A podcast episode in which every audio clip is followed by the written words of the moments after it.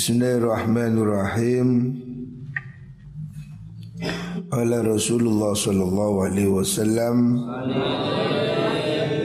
Laisa ala ahli la ilaha illallah wahsyatun Laisa ora ono ala ahli la ilaha illallah ing ahli kalimat la ilaha illallah. Apa wahsyatun? Gersah. Apa gersah? Ketakutan ya. Orang yang ahli la ilaha illallah Artinya orang-orang mukmin Yang sungguh-sungguh Mengamalkan kalimat La ilaha illallah Itu tidak ada wahsyah Tidak ada kesedihan ketakutan. Fil mauti ing dalam tingkah mati. Waktu mati tidak ada ketakutan. Artinya dia matinya itu dalam keadaan mati yang menyenangkan mati yang husnul khatimah wala fil kuburi lan ora ing dalam kuburan waktu di kuburan juga tidak merasa gersah, merasa takut. Orang di kuburan ini kan mengerikan ya. Sendirian, tidak ada teman. Ya. Orang-orang mukmin ahli la ilaha illallah di dalam kuburnya tidak takut karena dia ditemani oleh rahmatnya Gusti Allah. Wala fin nusyuri lan ora ing dalem tangi kubur. Waktu bangun dari kubur juga tidak ketakutan. Sementara yang lain ketakutan. Manusia hari kiamat semua ketakutan. Tetapi orang-orang mukmin tidak. Karena mereka dilindungi oleh Gusti Allah. Ka'anni kaya sutine ingsun. Iku anzuru ningali sapa ingsun ilaihim maring ahlu la ilaha illallah. Inda sayhati nalikane tiupai terompet Soihah itu maksudnya ketika apa terjadi tiupan malaikat Terompet hari kiamat ini loh sayha Yang fuduna podo ngipat-ngipatakan Sopo alladzina?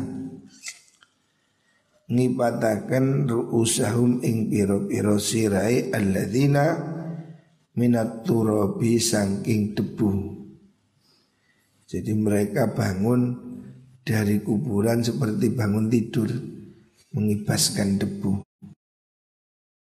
Ya air matikan ini. Air air matikan air. Minat turabi sangking lebu Yakuluna podo ngucap sopa menggono alladzina Ngucapakan Alhamdulillah Ibuji ikulillahi ketua Allah Alladzi azhabah kang wis ngilangaken sapa Allah anna saking kita al hazana ing kesahan.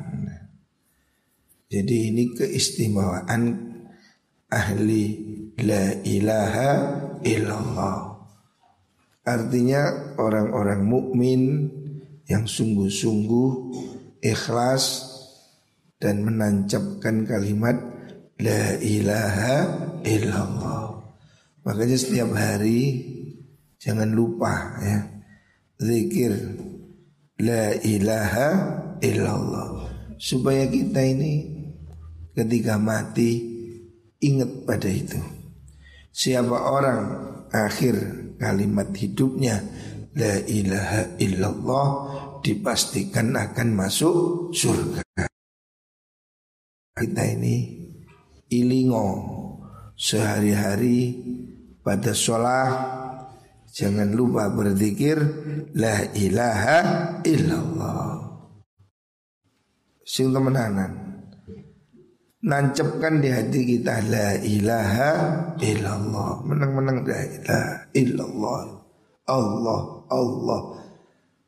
Inilah bekal kita nanti Untuk selamat sampai hari kiamat. Hadis Rawahu Tabrani an Ibni Umar.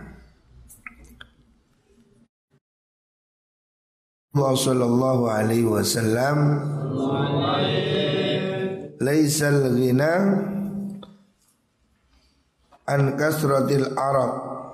Laisa ora ono apa al ghina kesukian Iku an kasratil ardi saking akeh bondo Kaya itu tidak bisa diukur dari banyaknya harta. Orang yang punya harta tapi hatinya masih rakus, tidak pernah merasa puas, Walakinnal ghina tetapi ini suki kekayaan yang sesungguhnya iku ghinan nafsi suki ati Kaya yang sesungguhnya itu kalau kamu sudah hatimu merasa puas, merasa terima ya. Kalau kamu masih punya ambisi, masih kamu masih merasa kurang ya. Kaya.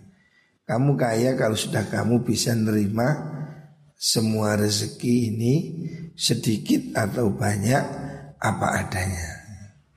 Jadi hakikatnya kaya itu hati yang sudah merasa tenang, tidak rakus. Orang ini hatinya kan secara umum ini kan masih rakus. Seandainya punya satu triliun, pengen dua triliun. Seandainya punya satu rumah, pengen dua. Punya mobil satu, pengen dua dan seterusnya. Sehingga manusia tidak puas Hidupnya merasa kurang Dia menjadi kaya Kalau dia sudah tidak ada rasa rakus di hatinya Artinya Kaya yang sesungguhnya Kaya yang bermanfaat Itu kalau dia sudah merasa cukup Kebutuhannya sudah cukup Walaupun tidak selalu banyak harta Tapi cukup, tenang Orang yang hatinya rakus, tidak merasa cukup, dia selalu merasa miskin. Triliun merasa lebih miskin dibanding yang dua triliun. Punya 10 triliun pun merasa miskin dibanding yang punya 20 triliun. Sehingga hidupnya tidak ada kepuasannya. Harus ditata ini hati kita. Duit eh, Uang itu walaupun sedikit Kalau kita syukuri, kita nerima cukup. Ya contoh di pondok ini loh. Ada anak kiriman sedikit tapi cukup. Saya dulu di pondok kiriman saya tidak banyak. Pertama saya mondok tahun 8 Kiriman saya 21 ribu. Duit biyen ya. Teman saya kirimannya 25 Kiriman saya 50 ribu.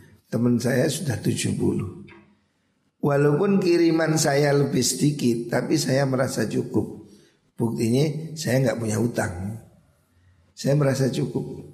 Karena saya bisa mengendalikan pengeluaran Tapi teman saya yang dikirim 70 ribu juga nggak cukup. Sebab dia boros. 70 ribu tidak cukup. Hari ini kalau kamu nuruti boros Kirim sak juta ya gak cukup. Tapi kalau kamu neriman Bersyukur Lihat yang lebih bawah 500 ribu Alhamdulillah. Anak saya aja satu bulan kirimannya berapa? Anak saya di pondok itu Satu minggu 100 ribu Berarti satu bulan 400 ribu Cukup Kayak gini tak terlalu ada-ada kirimannya 500 800 lebih dari anak saya. Anak saya 100 ribu. Cukup. Jadi uang ini bukan soal banyaknya. tapi bagaimana dia mengelolanya. Kalau kamu biasa boros, penisu warung, siang warung, sore warung, GoFood, Grab, ya masih 10 juta tidak cukup. Belajarlah bisa menghemat keuanganmu. Kalau kamu menguasai keuanganmu, kamu menguasai kehidupanmu. Apa mana kayak pondok, kan duit sumpah, gitu kan? Mesti sumpah kan duit itu lemes kabeh. Utang tambah boros, duit utang tambah boros. Pengalaman saya, kalau duit utang tambah boros, kurang berkah. Makanya usahakan gimana supaya ndak utang.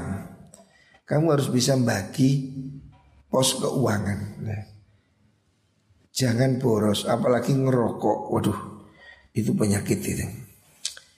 Ya apa caranya belajarlah bisa ngatur uang supaya kita tidak pernah kekurangan uang. Rawahul Bukhari wa Muslim. Hadis ini riwayat Imam Bukhari wa Muslim. Kekayaan sejati adalah kekayaan hati. Merasa cukup maksudnya. Laisa ora ono iku minas sholawati saking piro-piro sholat Tidak ada sholat Opo sholatun sholat tidak ada sholat afdalu kang utomo maksudnya lebih banyak pahalanya min sholatil apa fajri saking sholat fajar sholat pagi subuh yaumal jum'ati ing dalam tino jum'at fil jamaati ing dalam jamaah jadi sholat yang pahalanya besar itu sholat subuh berjamaah pada hari Jumat. Ya setiap hari subuh ya sunnah ya. pahalanya besar. Tapi pada hari Jumat itu lebih besar lagi. Terus bunyi. Wa ma ahsibu lan ora nyono sapa ingsun man ing wong syahida kang nyakseni sapa man ha ing mengkono jamaah mingkum kang hali tetep saking sira kabeh illa maghfuran angin den sepuro. Sapa lahu mengkono man. Jadi sholat subuh ini fadilahnya besar. Siapa orang sholat subuh berjamaah pada hari Jumat kata Rasulullah Shallallahu Alaihi Wasallam diampuni dosa-dosanya. Dan ini tidak harus selalu hari Jumat ya, ya setiap hari. Apalagi pada hari Jumat. Tetapi setiap hari ya kita usahakan ya. Ya apa carane malam hari segera tidur. Saya ini merasa malam hari ini harus ono sing bagian oprak-oprak turu ngono lho. Isu jaga ngantuk terus ngantuk cuy. Ngaji ngantuk karena bengi gak turu. Yang ngantuk pegang kupingnya. Kulo turu. Uh. Ada ngantuk-ngantuk ini. Ini penyebabnya malam kamu nggak tidur atau ya kurang. Bagaimana usahakan kamu ini siang tidur supaya malam hari bisa bangun lebih awal dan tidak ngantuk. Lagi isu ngantuk ini, kuliah sekolah ngantuk ini. Rugi rek. Waktu pagi harus kamu hemat ya. Jaga waktumu. Jangan diboroskan dengan melekan di malam hari ya terutama waktu pagi. Laisa oranos iku min ahlakil mukmini saking ahlaki wong mukmin. Apa atamalluku bangete asi-asian. Tamalluk itu kemantil ya. Artinya kalau bahasa sekarang ya fanatis. Orang mukmin itu tidak boleh terlalu fanatik, fanatis pada orang lain ya. Tamaluk itu menjadi apa? Terlalu fanatik. Artinya fanatik pada kelompok ini loh, lu gitu. Wah, ini pokoknya Arema. Lain Arema. Tempe. Ini Persebaya, ini ah. menjadi kesukuan gitu loh. Jadi fanatis pada satu kelompok itu tidak boleh ya. Walal hasadulan orang parang hasud Orang mukmin tidak boleh hasud ya. Jangan hasud Jangan dengki. Illa fi talabil ilmi angin ing dalem nyupre ilmu. Loh maksudnya ya nopo Boleh hasud dalam mencari ilmu. Bukan begitu maksudnya. Jadi orang ini tidak boleh fanatik pada orang lain kecuali nah pengecualinya dalam masalah mencari ilmu. Artinya kalau orang mencari ilmu itu hendaknya dia menjadi betul-betul sangat fanatik. Fanatik dalam arti yang positif ya.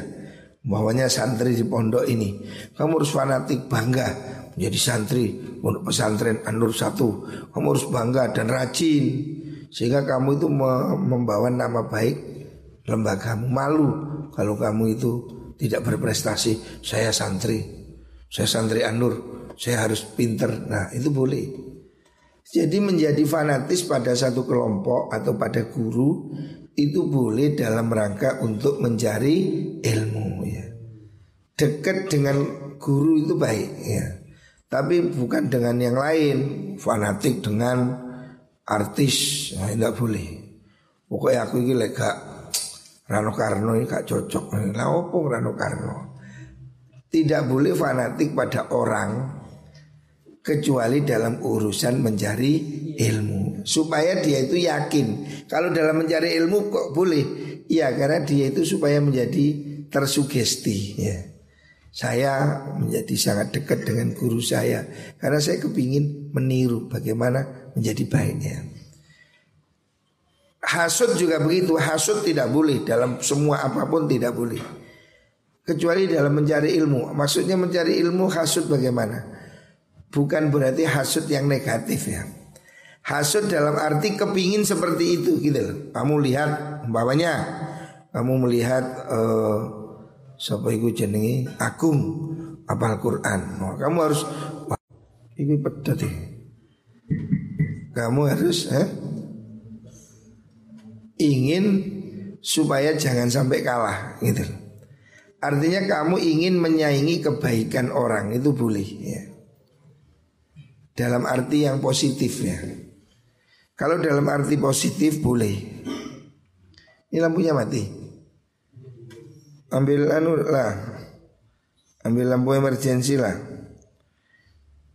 orang fanatik dalam mencari ilmu itu boleh ya hasud dalam mencari ilmu artinya dia kepingin ya supaya meniru kebaikannya dia kepingin bagaimana supaya baik seperti orang itu kepingin menyaingi dalam hal ilmu itu boleh. Yang tidak boleh itu hasut yang negatif. Maksudnya hasut negatif seperti supaya dia itu jadi miskin, kamu kaya. Nah, tidak boleh. Semoga-moga sing sugiku melarat, kamu yang kaya. Nah, itu tidak boleh. Tapi kalau ingin menyaingi orang dalam ilmunya, boleh aja kan ilmunya tidak bisa kurang. Kamu iri sama Fahri, Fahri kok hafal Quran, saya harus hafal. Tidak apa-apa iri dalam hal kebaikan. Iri kepingin menyamai atau mengalahkan dalam bidang ilmu itu boleh ya. Santri merasa dirinya kurang pinter, saya harus lebih pinter dari guru saya. Boleh-boleh aja. yang tidak boleh hasut itu dalam arti yang negatif. Contoh hasut anak wong sugih mandar belai. Ya, nah itu tidak boleh. Kamu menginginkan orang yang kaya, orang yang penak supaya tidak penak. Nah itu namanya hasud. Hatimu menjadi gatel lihat orang lain senang. Itu namanya hasud, itu namanya dengki. Tetapi kalau kamu ingin dalam bidang ilmu itu boleh. Kamu melihat Pak Umam, waduh Pak Umam, ini bahasa Arab bisa, bahasa Inggris bisa. Kamu menjadi tertantang, saya harus bisa ngalahkan Pak Umam. Boleh, tidak apa-apa. Itu hasud dalam arti yang positif ya.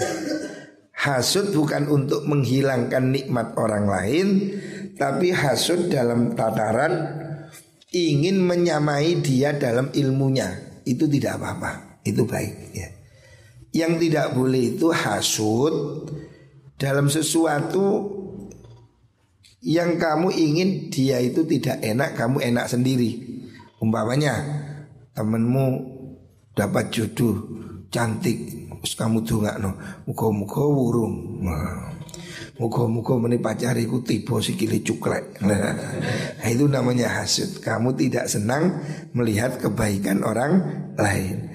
Tetapi kalau kamu positif, waduh konco bujuni ayu. Alhamdulillah muka-muka bujuku luwe ayu. Nggak apa-apa. Tapi kalau kamu mendoakan muka-muka iku burung melayu nang aku, lah itu tidak boleh mengharapkan hilangnya kebaikan dari orang lain. Tapi kalau kamu ingin yang sama seperti itu boleh. Umpamanya kamu melihat ada orang kaya, ahli ibadah. Kamu kepingin ya Allah saya kepingin kaya seperti itu. Saya kepingin bangun masjid. Boleh. Kamu melihat orang alim ya Allah itu teman saya itu siapa yang hafal Quran? Pas ada SMK ini sing apal sapa? Sapa? Fajar Fajar Firly. Oh. Fajar Wahyudi. Kamu iri sama Fajar Wahyudi yuk. Fajar Wahyudi itu kok bisa ya kelas 2 SMK hafal Quran. Saya kepingin seperti itu. Boleh ya. Itu positif. Yang tidak boleh itu kalau kamu menginginkan orang lain jadi jelek, kamu sendiri yang baik. Ya, itu namanya hasud. Muka-muka kita semua diberi ilmu yang manfaat. Muka-muka kabeh diparingi rezeki yang berkah. Amin.